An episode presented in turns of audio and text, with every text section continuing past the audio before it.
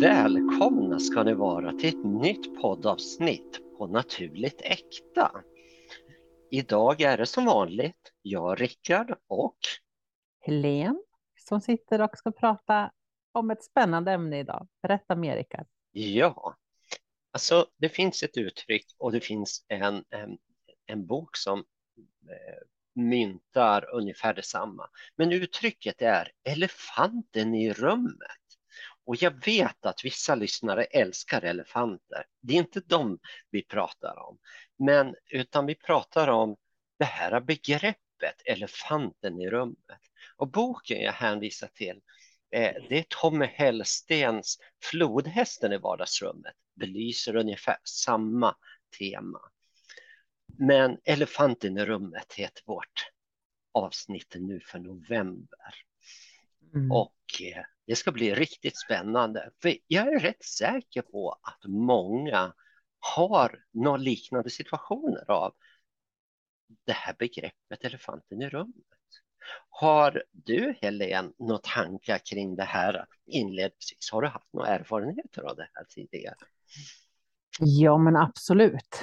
Det, jag tror vi alla gemene man har haft det på ett eller annat sätt genom eh, vårt liv. Eh, jag, jag tänker eh, rent spontant, det här, det här klassiska att ehm, alla vet hur en person är eller vad en person gör.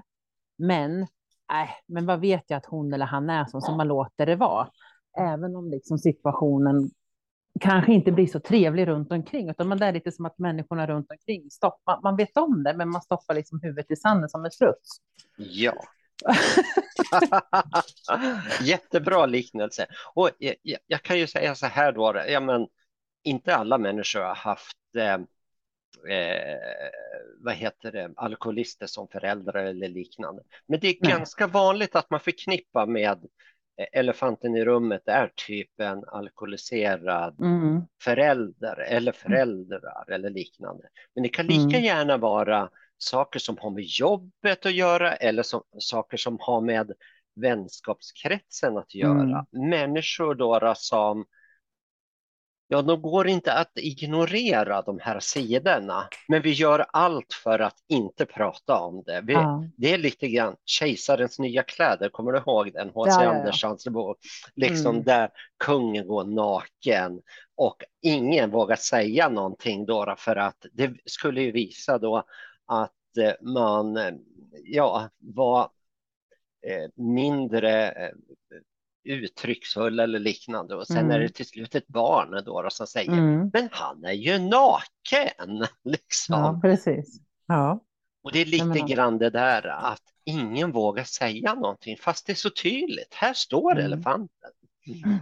Ja, och jag tänker det här när du pratar om jobb. Eh, jag, jag tänker flera gånger då när man när jag har varit på olika jobb utan att, att säga vart det är någonstans. Men då har man liksom haft alltså typ på rasterna emellan eh, vad vi ska göra, hur vi ska säga, att det är problem till exempel i, i en arbetssituation eller att man har, ja men det här måste vi ta upp liksom med chefen, det här måste vi liksom ta och prata med när vi har ett APT eller när vi har, ja men typ, och så, så pratar man väldigt mycket på rasterna. Mm. Stämningen blir väl inte så jäkla optimal. Och så sitter man där och har ett möte och ingen säger någonting. Man bara, mm. men det här har vi ju sagt att vi ska säga. Vi, vi ska ju liksom pusha varandra. Vi ska, ja, nej, men ska vi inte säga, har du någonting att säga? Nej, nej, det är bra. Det, nej, jag har ingenting att säga. Och sen så går rösten lite upp i falsett så här. Och sen efter mötet, varför var det ingen som sa någonting för? För det är någonting, det är också liksom det här att det kan ju vara ett ämne också um, tänker jag på, på jobbsituationen där jag jobbar. Ja, ja. Och, och man bara, och så satt jag, men nu tar vi det här. Och sen när man väl tar det, då blir det så obekväm stämning så att ja. folk bara, nej men gud vad obekvämt det här, det här vill jag inte prata om. Ja, exakt. Kan du? Ja. Exakt, det är precis det här. Det, det, alltså alla pratar om det och jag, jag vet ju från mina tidigare anställningar att herregud, det är så lätt att vi sitter och pratar runt fikabordet. Men när vi verkligen har chansen att berätta någonting och ingen som säger någonting. Och så fort man går ut från det där mötesrummet då, så mm. pratas det. Ingen lyssnar, ingen har sagt någonting på själva mötet, men efteråt så alla mm. pratar om det här, om organisationen, eh, det ena med det andra som ja, men står inför dörren och ingen vågar säga någonting. Men ibland är det ju faktiskt så att det är människor som vågar säga ifrån. Mm. Och det som är så jäkla intressant med det, det är de som inte vågar, de tycker att de modiga är dumdristiga. Lyft det mm. här, lyft det här, nej för fan, lyft inte på locket. Släpp mm. inte ut odjuret liksom. Släpp inte ja, ut precis. elefanten i rummet så att alla kan se och prata om det. Och ja, men det är läskigt egentligen för att det är gruppen som styr. Mm, hur ofta, ja, hur ofta är det någon som liksom vågar gå emot mängden? Hur, hur många är det som vågar gå emot gruppen liksom och alla tycker bara Ja, alla borde tycka bara, åh gud vad modigt av den här personen mm. att lyfta det här. Nej, för fan, då, då, då är man nästan som, men fan vad jobbigt det blev nu, precis som du säger. Mm. Ursäkta att Sverige blir mm. uppeldad av sådana här saker. Men, men grejen är ju det att alltså, vi behöver lyfta ja. på locket och titta på det här. För att annars så blir det ingen mm. förändring. Vi måste lyfta på locket. Nej. Och det gäller, ja, det behöver inte mm. alls ha med personer att göra. Det kan vara omorganisationer eller det kan ja, vara mm. att, eh, att vi ska ja, men, göra någon förändring på jobbet eller hemma mm. eller liknande. Eller mm. att ska vi bjuda den personen eller inte på vårat kalas eller fest eller, ja. eller ska, ska vi bjuda den? Va, vad händer om vi inte gör det? Man skulle ju helst inte vilja ha den personen mm. med. Mm. Eh, alltså sådana situationer har jag varit med om eh, i andra sammanhang mm. för många år sedan. Var det ganska vanligt att man skulle inte vilja ha en viss person med. Det är samma sak där. Det är elefanten ja. i rummet. Och man tar mm. inte tag i problemet. Nej. Det är ju hemskt Nej. egentligen.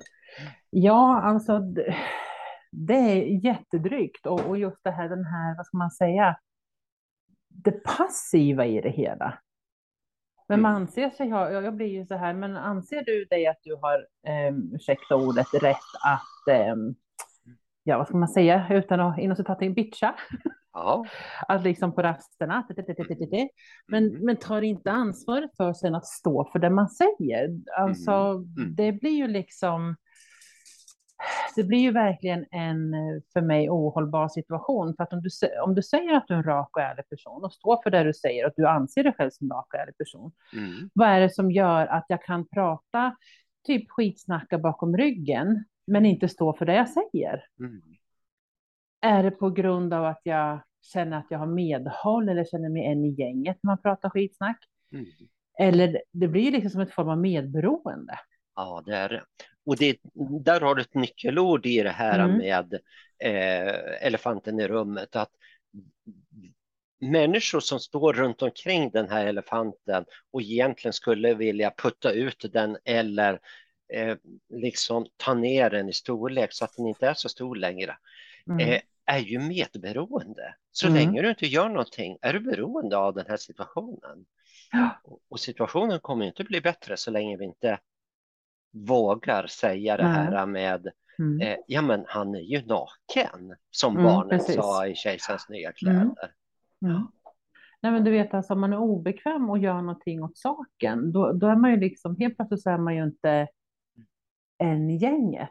Nej. Då är man ju liksom eh, besvärlig. Jag kommer mm. ihåg vid ett tillfälle mm. jag hade, då var det en situation, då tyckte jag liksom, ja men sluta och gnäll, vi kan inte göra någonting åt det. Mm.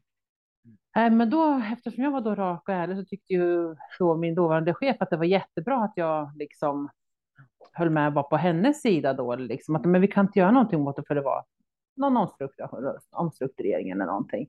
Mm. Och det tyckte hon var jättebra. Men sen så var det en annan situation där jag upplyste henne om att hennes agerande inte var så positivt. Mm.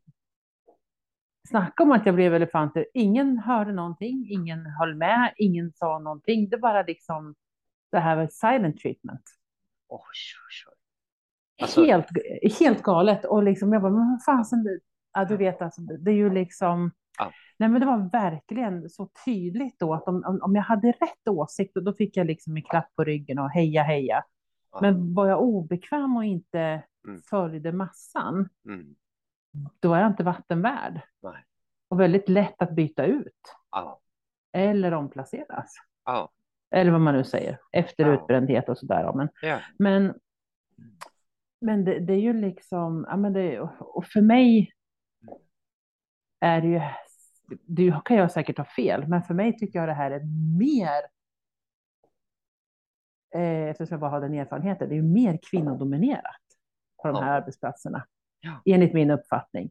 Sen vet jag att det finns alltså mansdominerade arbetsplatser, det är samma sak, men då tror jag man är mer rak på ett sätt. Och det, det är inte så mycket, utan man säger om det är en issue eller inte.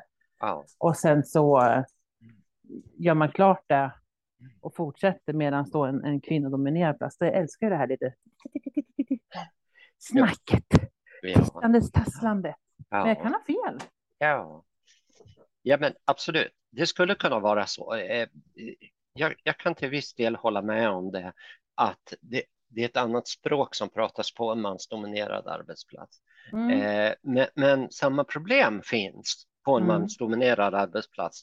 Eh, det, be- det är just det där att våga sticka ut Mm. näsan och säga Mm. att vi har det här problemet. Mm. Vi har den här personen som inte vill samarbeta, som det inte fungerar med. Mm. Eller vi har den här omorganisationen vi ska göra nu. Och vi Ja. vet alla att det kommer bli ett helsike Mm. eh, när den här omorganisationen genomförs. Ja. Eh, det finns inte utrymme, alltså man skär ner på så mycket, pro- eh, så mycket av våran frihet och liknande saker. Då, då. Och då, då Mm. våga, ja men i mansdominerad arbetsplats, då pratar man om det, men man kanske inte vågar sticka ut och säga ja, vi har det här problemet. Ja, vi måste lyfta den här frågan därför att precis som du beskrev, vi är rädda för att bli uteslutna. Vi kanske Mm. till och med blir rädda för att bli förlöjligade.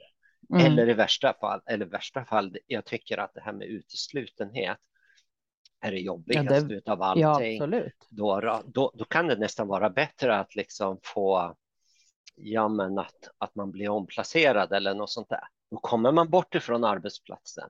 Och handlar det om en arbetsplats, ja då kan det absolut vara så att folk söker sig bort från problemen eller från Mm. människorna där eller liknande. Mm. Men handlar det om en, en, ja, någonting annat, då är det inte lika lätt att ta sig därifrån. Nej. Och det värsta, det är uteslutningen, det vill Oh, säga ja. att ingen tittar på en, ingen pratar med en längre och så Mm. bara, ja, där går han, liksom, han som gjorde så där och Mm. gud vilken och så vidare och ingen som vill och så blir man ensam. Mm. Ignoransen är ju fruktansvärd. Ja, och jag, jag tror att problemet är att det kanske finns en människa som skulle våga säga någonting, oavsett om man är man eller kvinna. Ja, Men man gör inte det för just av den anledningen att man är ensam. Det är Mm. enklare om man går ihop sig, om man är några stycken som vet att det här är ett problem. Ja, men alliera dig och lyft problemet tillsammans Mm. istället. Det är liksom det är melodin som gäller då, då för att vi Mm. behöver lyfta elefanten och vi, visualisera den. Mm. Vi behöver lyfta på det här problemet för annars så skapar vi disharmoni. Och värst är det ju kanske på arbetsplatser då, där du måste, ja du måste ju vara där. Du måste ju Mm. umgås med dessa människor och situationer och begränsningar eller vad det nu än Mm. handlar om för någonting. Du kan liksom inte fly undan det. Eh, Ännu värre är det i och för sig då, när det rör sig om människor i den egna familjen. Eller Mm. när man går i skolan och så kanske man har en, en eh, förälder då, som är konstig eller eh, mm. kanske alkoholiserad eller någonting annat. Man kanske inte har en förälder, man kanske är mm. föräldralös. Du vet, alla sådana här situationer mm. där, där det finns en elefant, bildlig eller bokstavligt talat, mm. är situationer som ja, skapar en massa problem. Mm. Och så länge de finns där, så länge vi ignorerar dem, så länge vi försöker dölja dem. Nej, vi har det så himla bra. Eh, är mamma hemma? Nej, hon är inte hemma. Eh, hon är, jag tror att hon är på någon ja, konferens eller någonting, säger man när någon ringer på dörren. Eh, och strax innan har mamma sagt så här bara, jag är inte hemma, hitta på någonting. Mm. Alltså sådana situationer, det är ju hemskt. Speciellt om barn blir utnyttjade av det. Så att mm. jag, jag, tycker det här med att eh, elefanten i rummet, oavsett vad det är för typ av elefant, men vi behöver göra någonting åt det. Vi mm. behöver lyfta det här problemet. Det är väldigt ja. vanligt, det är mycket vanligare än vad vi tror. Ja, och, och jag kommer ihåg jag hade en, en diskussion med, med, HR, alltså. Mm. Mm. Eh, och just det här när man pratar om en arbetssituation, nu går jag tillbaka till mm. massor av år sedan jag jobbade. Mm. Liksom. Mm. Eh, i, som anställd, inte som egenföretagare. Då får jag göra med min egen HR. eh, nog ack så, ack så jobbigt emellanåt. Nej då, men, men då diskuterar jag det här och just det här, det jag då, för då kommer jag ihåg, då var jag väldigt, väldigt utbränd eh, och då kommer jag liksom ihåg att hon ställde en fråga till mig. Ja, men om du har en önskevärld hur det skulle vara och då sa jag så här, men jag skulle önska att, att folk hade mer personlig utveckling. Mm. För att om jag då pratar om en arbetssituation så betyder inte det att den här personen, att jag går på den här personen som privatperson eller att hur den här personen är som individ, utan här på arbetet behöver vi kanske göra en förändring. Mm. Vi kanske behöver titta över rutiner, vi kanske behöver titta på vad vi själva gör för någonting. Mm. Så att det, det menar jag liksom då att man behöver ha mer personlig utveckling. För det jag upplevde liksom att om jag sa någonting som var jobbrelaterat, då mm. tog personerna åt sig personligen eller privat. Mm. Eh, och det, vad heter det, ursäkta, det var, kom en leverans härifrån. Nej men alltså, då var det ju så att eh, en, eh, vad heter det, ja, och då, då sa jag det att ja, men alltså, det har inte med personen att göra, utan det har med arbetssituationen att göra. Men då menar hon på, men det funkar ju inte om alla människor får personlig utveckling. Nej, men man behöver ha det om man ska jobba på en plats där man jobbar med individer överhuvudtaget. Mm. Så, så, så, liksom det är um, jätteviktigt att man liksom ser till sig själv vad jag har för agerande. Och om jag mm. säger att någonting på arbetsplatsen kanske inte funkar, betyder inte att den personen, att jag tycker illa om den personen, att den personen gör fel, men vi behöver titta över rutiner på arbetsplatsen. Och mm. det kunde bli väldigt um, vad ska man säga, eh, jobbigt. Mm. För att de, de kunde inte särskilja på arbete och person i sig. Nej. Så då blev det hur jobbigt och drygt som helst. Mm. Exakt. Så att eh, det är någonting som är på arbetsplatsen då att mm. det har ingenting med dig att göra. Mm. Eller det kanske har det, men det är så att du inte trivs på arbetsplatsen. Men mm. det är inte personangrepp. Nej. Men många har väldigt svårt att särskilja det. Ja. För att vi människor gör det så emotionellt i oss själva och det är ja. där en personlig utveckling kommer in. Mm. Och då sa ju hon där liksom att det där det funkar ju inte mm. Helena att du vill ha en mm. sån arbetsplats. Mm. mm. Det är ju en utopi. Ja, men du frågar mig mitt drömscenario. Mm. Och det är ett drömscenario. Jag vet om att det är en utopi, men så det, det var liksom ganska ja. eh, fascinerande och spännande. Ja, exakt. Och jag menar, vi är ju nu pratar vi väldigt mycket om arbete, men det kan ju som jag har sagt då, vara i vilka sammanhang som helst. Men det viktiga är ju då att så länge vi inte gör någonting åt problemet så skapar det en ohållbar känslomässig situation som vi mm. måste hantera varje mm. dag. Oavsett mm. om det är hemma eller om det är på arbetsplatsen. Det är en ohållbar situation.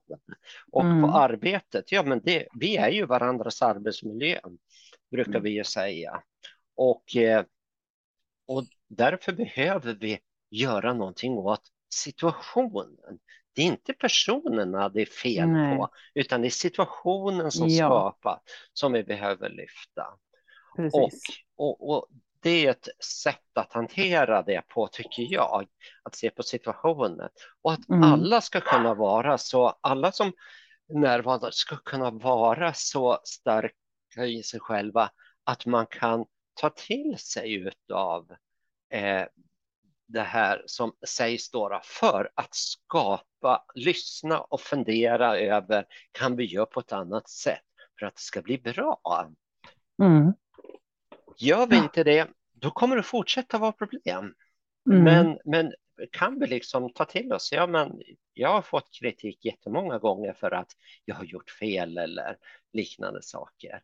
Eh, och det, det är ju jobbigt att ta till sig kritik. Men det är ju inte riktat mot mig som person, utan Nej, det är precis. riktat i rollen eh, som, som jag har för tillfället. ja, det är den. precis. Eh, jag är ju Exakt. internrevisor nu, på min nuvarande arbetsplats. Mm. Och sku, skulle jag gå in och göra någonting annat eller inte vara bra som internrevisor därför att jag kritiserar en massa Mm. människor och så vidare, ja men då gör jag fel. Och då behöver det justeras. Mm. Men det är inte fel på mig, utan det är Mm. fel på sättet att utöva det. Mm. Eh, och, och det är det som är, ja det är jätteviktigt att göra någonting åt och att se skillnaden mellan Ja, roll, situation och person. Vi angriper ju Exakt. alla personer. Nej, och, och, det, och det är just det som är, som är svårt. Och det är likadant jag tänker på som vi pratade i det här med arbetssituation, men också i familjesituation. Mm. Eh, alla vet om hur hon eller han är, man låter det bara vara. Ja. Men man, man känner hur liksom det blir destruktivt runt omkring och sen de Mm. gångerna man träffas så är det ju liksom Mm. ehm, tungt och jobbigt i alla fall. Mm. Men jag tänker som du sa i arbetssituationen, det är vi ju dagligen. Vi kanske inte Mm. träffar alla de här elefanterna i rummet varje dag i familjesituation. Nej. För att det kanske blir, vad heter det, mm, ja, man kanske träffar någon då och då, eller så Mm. då kanske man inte engagerar sig på det sättet. Mm. Då kanske man Mm. inte tar det, men på en arbetsplats är det någonting som att jag Mm. går till för att mitt levebröd ska funka. Mm. Och det, ja, just just det här, återigen Rickard, personlig utveckling. Ja. Återigen. Ja, Just det här att, att ja, men, det här säger jag till dig, om vi jobbar ihop och så, men om vi tänker på det här och det här, betyder inte att du påpekar mig som person som vi pratar om. Du, du säger inte åt mig att jag inte kan eller att jag inte fattar, utan hur ska vi göra för att lösa situationen? Men det är så svårt att kunna få det att appliceras Mm. Med människor som inte har personlig utveckling. Och det, det är liksom... Eh, men när man inte är medveten om någonting så kan man ju inte förändra någonting heller. Exakt. Och jag, jag tänker på, nu slår det mig, jag har gått en fantastisk utbildning, många fantastiska utbildningar, men jag återvänder alltid till den. UGL, utveckling, gruppledarskap. Från början Mm. en militärisk utbild, eller militärutbildning. Då, då. Eh, och jag minns dag två när jag, och det här har jag säkert berättat om i tidigare poddavsnitt, men jag minns dag två när vi skulle genomföra en arbetsuppgift och alla elva personer, vi var tolv stycken, alla elva personer satt där och bara Åh, det är omöjligt. Åh, nej, vad jobbigt med den här arbetsuppgiften. Åh, medan jag satt tyst där och tänkte att det här räcker inte för mig för att jag ska kunna fatta några beslut. Och sen, ja, är, ni- är alla klara blev det ju till slut då. Och då skulle vi resonera kring hur vi, hur vi tänkte och sånt där. Och så kom vi till mig då, då och så sa jag bara, jag sket i den där arbetsuppgiften. Det var för lite underlag för att jag ska kunna fatta några beslut. Och jag menar, där vart ju jag elefanten i rummet. Men det var en jävla härlig elefant, för folk liksom bara, va? Kan man göra så? Liksom. Och, och, och just det att våga gå utanför ramarna, det är jätteläskigt, men att ta tag i det och se vad händer om vi gör annorlunda. Mm. Det är precis vad det handlar om. Men återigen, det är vi på jobbet. Ja, men vi har den här vi, det är vårt levebröd och ja, det är allt möjligt som är viktigt för oss och vi kan inte undkomma det. Vi kan, okej, okay, vi kan sluta, vi kan byta jobb mm. och vi kan och så vidare. Men det är alltid, alla förändringar är ju jobbiga på ett eller annat sätt. Mm. Eh, men hemma, ja, vi kan undvika det. Eh, men inte så länge vi är beroende utav eh, människor då som är elefanter hemma. Jag tänker på om jag är ett litet barn, säg att jag är sju, åtta år gammal eller något sånt, har precis börjat skolan och jag har en förälder som är narkoman till exempel. Mm. Eh, och så börjar folk prata. Ja, vad är din pappa för någonting? Ja, jo, men han är... Sen svävar man på molnet och så bara, oj, det här vart ju jättejobbigt. Ska jag säga, jo, min farsa, han är narkoman. Han är jättesnäll. Han kommer alltid hem med massa härliga grejer. Så är han borta i flera veckor ibland och så vidare. Ja, du vet hur man föräl- eh, liksom ja. diskuterar föräldrar och sånt där med varandra då när man börjar mm. skolan. Där är vi ju beroende av de här elefanterna. Men det första vi gör när vi fyller 18, det är ju schappa, dra, försvinn bort från det här hemmet om inte mm. saker och ting har förändrats. Och så ja. kommer man helst inte hem. Precis. Ja, och det är ju också ett sätt att leva på det här. Men det viktiga är ju då, det är ju allt lidande under alla dessa år över att man har fått hantera en elefant i rummet hela tiden. Mm. Mm. Och vad det gör med en. Man är inte, mm. man är inte samma människa efter eh, att han, han jämt och ständigt hanterar elefanten i rummet. I bästa fall så har man lärt sig någonting väldigt bra. I bästa fall. Men i värsta fall så fortsätter man ta över rollen som elefant mm. och blir själv en elefant i rummet. Mm precis. Ja. ja. Det går att prata jättemycket om det här, men, men det vore väldigt intressant att höra lite grann om människor, vi lyssnare eller ni lyssnare, om ni kan berätta lite grann om hur ni tänker kring det här. För jag mm. tycker att det här, det pratas alldeles så lite om våra elefanter i rummet och det kan vara allt ifrån en arbetssituation till familjesituation där det mm. finns någonting man mm. inte pratar om, men det är så stort mm. så man kan inte bortse ifrån det. Det är inte en liten sten i skon som gnager, mm. utan det är så stort så att du måste förhålla dig till det på ett eller annat sätt. Mm. Berätta gärna om ni har sådana erfarenheter, hur ni hanterat det och mm. vad det har gjort med er. Mm. Både positiva och negativa. Så. Ja, och, och jag tänker det är någonting som vi inte tagit upp, det är ju faktiskt det med, med vänskap också, vänner. Vi har ja. pratat om arbetsplats och familj. Ja.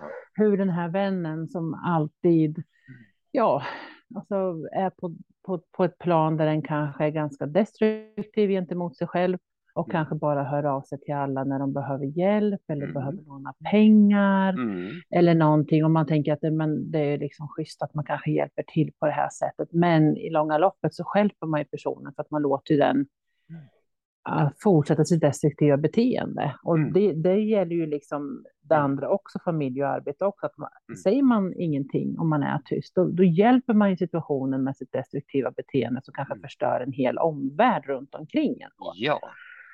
Så, så att, eh, vet flera liksom exempel mm. där man på ett eller annat sätt säger att men nu, nu, får du gå din väg själv, nu får du köra ditt race själv, för att mm. jag, kan inte, jag ställer inte upp på det här.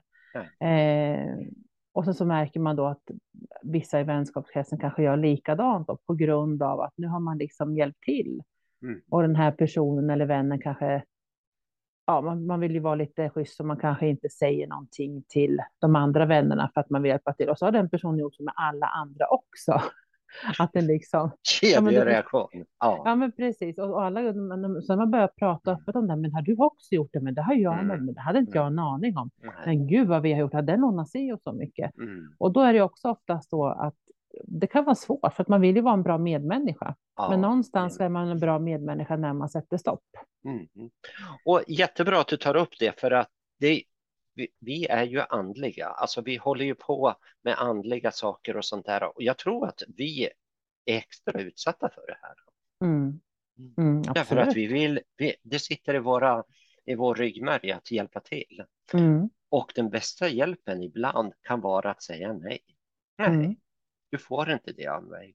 Du får inte uppmärksamheten av mig. Du får inte pengarna. Du får inte eh, hjälpen här, utan nu får du ta hand om dig själv. Mm. Och det kan låta väldigt hårt, men det är kanske det som får personen att, Ja. att eh, ja, men dra sig själv i, Mm. i nacken och resa sig Mm. upp och göra någonting åt sin situation Mm. istället. Mm. Mm. Ja, för att, att, att hela tiden hjälpa kan faktiskt vara att man själv för den andra personen. Så att, Mm. och det är någonting som jag brukar prata en del om mina utbildningar. Och det finns Ja. många som reagerar på det. Mm. Men alltså, hur, vad, vad då? Vad, vad ska, ska vi inte hjälpa till? Ska vi inte röra en person som är ledsen? Ja, men, och, och det, är inte, det är inte frågan om det, utan det är frågan om att låta den andra personen ta sitt eget ansvar. Mm. Och det gäller ju i den här elefanten i rummet också. Om jag ska vara på ett Mm. ställe, om jag känner liksom att nu har det gått för långt, då, då är det ju mitt ansvar att göra någonting åt situationen oavsett Ja. Om det är folk som håller med mig eller inte. Ja. För att någonstans så kanske det är så att jag behöver ta ett beslut eller göra någonting för att Mm. andra människor, aha, wow, tack. Mm. Det här har jag gått och tänkt på, men jag har inte vågat. Någon behöver våga att vara den som faktiskt Mm. ja, tar första klivet helt enkelt. Ja, Mm. exakt. Och det är nog så svårt i sig Ja. själv. Ja, det är det. För den riskerar ju då att hamna i skottgluggen. Och vad, vad är det vi säger? Var rädd om budbärarna. Utan dem slutar vi att utvecklas. Oavsett om du har dem i projekt, på jobb, Mm. hemma, i vänskapskretsen, i det, bland dina närmaste vänner och liknande. Eh, det är jätteviktigt att vi vågar stå upp och säga ifrån. Mm. Och jag vet att det är känsligt, men om vi gör det klart och tydligt att det är inte dig som person som jag säger åt, utan jag ser att det här är ett problem. Det har blivit ett så stort problem att det spiller över på andra människor. Det är ju Mm. jättevanligt att det spiller över på människor runt omkring. Man tycker att man, nej jag berättar ingenting för andra, men lik förbaskat så spiller det över på dem. Därför att jag som drabbad förändras och blir någon annan människa än den jag vanligtvis brukar vara. Och Mm. det påverkar ja, människorna runt omkring mig. Så även om jag säger, även om jag aldrig berättar om den här elefanten i rummet, så påverkar det människor runt omkring mig också Ja, på ett absolut. negativt sätt. Mm. Så försök att göra någonting. Och som sagt, det vore jätteroligt, speciellt om ni har hittat sätt att göra det på, där, där det faktiskt har fungerat, att saker, ni har lyft saker och det har fungerat, det har skapat en ny förändring i situationen, oavsett vad det handlar om. Att få lite feedback på hur har ni gjort eller vad har ni gjort för någonting? Det skulle vara jättespännande med det här, för Mm. det här är ett väldigt vanligt problem. Det är bara det att vi Mm. pratar alldeles för lite om det, precis som vi pratar alldeles för lite om sorg också. Mm. Mm. Verkligen. Ja, och jag tänker på första avsnittet vi hade, Mm. historiskt sett, när vi pratade om sorg. Jag menar, den personen är också en elefant i rummet. Ja. Ja, ja, och, verkligen. ja. Det, det är så lätt att liksom bara, "Åh, nej det är jobbigt, åh där kommer han eller där kommer hon som har Mm. förlorat. Och nej, jag- går över till andra sidan gatan Mm. och så vidare. Alla de där problemen. Mm. Då har man ju skapat en elefant i rummet. Mm. Ja, Ja, fy fasen. Ja, men det är verkligen så. Ett viktigt ämne tycker jag. Ja. Eh, verkligen. Och eh, tänkvärt. ja, Verkligen. För att alltså, i allt det här, precis som allt annat, när vi är medvetna om vad som sker, Ja. så har jag också ett ansvar att agera. Men jag har också ett ansvar att göra valet. Gör jag valet att jag låter, okej, jag ser det här, eh, då accepterar jag det här. Men då, då tänker jag så, då tar man ju bort rätten att kanske bitcha om det på rasterna. Ja. Mm. För då har jag gjort ett val att, att låta det här fortgå. Mm. Men då har jag ingen rätt att klaga på det. Men när jag är medveten om det känner att det här är inte okej, okay, då behöver man kanske gå emot strömmen och bli obekväm och säga att det här är inte okej. Okay. Jag ställer inte upp på det här. Det här är liksom min integritet. Det här är mm. arbetsplats, familjesituation, vad det nu är för någonting. Mm. Men är man medveten om det, då har du ett val. Och gör du valet en, endera, mm. så finner man sig i det. Mm. Jag vet att återigen, nu kommer jag liksom, mm. jag vet inte om jag har sagt det här, jag kommer ihåg, min, min kära mamma, hon brukar ju lyssna på podden. Eh, och jag är ledsen att jag åker ut som ett exempel igen, men då kommer jag ihåg när hon hade, jag tror hon var 55 och hade tio år kvar att jobba på sitt mm. arbete, på sin arbete och var ganska trött på det. Mm. Och jag hörde bara det var, och hur jobbigt det var, hur tungt det var. Och då sa men du är 55. Ja, men jag är för gammal för ett nytt jobb. Det är ju du inte alls det. Och så sa jag till henne så här. Antingen är du tyst och slutar klaga och så byter du ihop igen tio åren. Eller också gör det faktiskt någon annan förändring. Och hon bara tittade på mig och bara med stora ögon. Jag kommer ihåg att jag åt, drack kaffe och eh, åt en glass på Stadstornet i Norrköping. Ja. Och hon bara tittade på mig. Liksom. Jag kanske var lite lite tuffare i orden då. Ja. Men, eh, och hon var, ja, ah, nej, men det har ju faktiskt rätt. Det har jag inte tänkt på. Mm. Nej, men alltså, för din situation förändras ju inte om, om du gnäller. Gör någonting åt det istället. Mm. Och jag, jag, tror att hon fick det bättre ett tag i alla fall. Ja, ja jag fick det ju bättre när jag bytte jobb då när, vid 58 års, 59 års ja, ålder. Precis. Ja. Och, och det är just det, antingen så gör man någonting åt det, mm. eh, eller också så finner man sig i det. Man kan liksom inte ha kakan och äta Eh, för det här går ju också in på cellnivå på oss själva. Om vi tillåter oss att gnälla, gnälla och inte göra någonting åt det, då mår vi faktiskt fysiskt sämre också. Ja, gör vi. Ja, det gör vi. Mm. Så. Skitbra. Mm, Jätte... Spännande. Spännande och jag är jättenyfiken och spänd på att se vad vi får för reaktioner. Det vore jätteroligt om ni vill skriva eh, som sagt då. Mm. För det här ja, det, det här är ett ämne som ligger mig varmt om hjärtat att prata om. Och eh, jag insåg det att vi har inte pratat om det. Det var först när jag såg en artikel om elefanten i rummet som jag bara oj, det här är ett superbra, viktigt ämne. Mm, eh, för mig då, då som jobbar som skyddsombud är det ju jätteviktigt att identifiera när, när det finns problem på en arbetsplats. Mm. Men det är ju inte bara på en arbetsplats utan det är stort. Det kan vara i hemmet, det kan vara mm. på fritiden. Jag har varit med om det massor med gånger att, mm. att vara medberoende till en elefant i rummet. Mm. Det är jättejobbigt. Så tack för den här gången och så ses vi här nu i mitten på december. Nästa avsnitt kommer ju publiceras 15 december och då är det ju bara en strax över en vecka kvar till julafton som vi älskar. Så ja, det kanske blir ett julavsnitt. Vad säger du? Har vi något tema på julavsnitt? Om vi säger så här. Om vi säger så här. Jul. Älskade jul. Jag skulle kunna, jag skulle kunna ha en julshop 24-7. Alltså jag skulle kunna ha jul hela tiden. Och de som vet vart jag står någonstans, de bara mm -hmm, ja. we know, we know liksom. Ja, eh, men, och det är ju sista avsnittet för i år också. Ja. Ja, det blir det.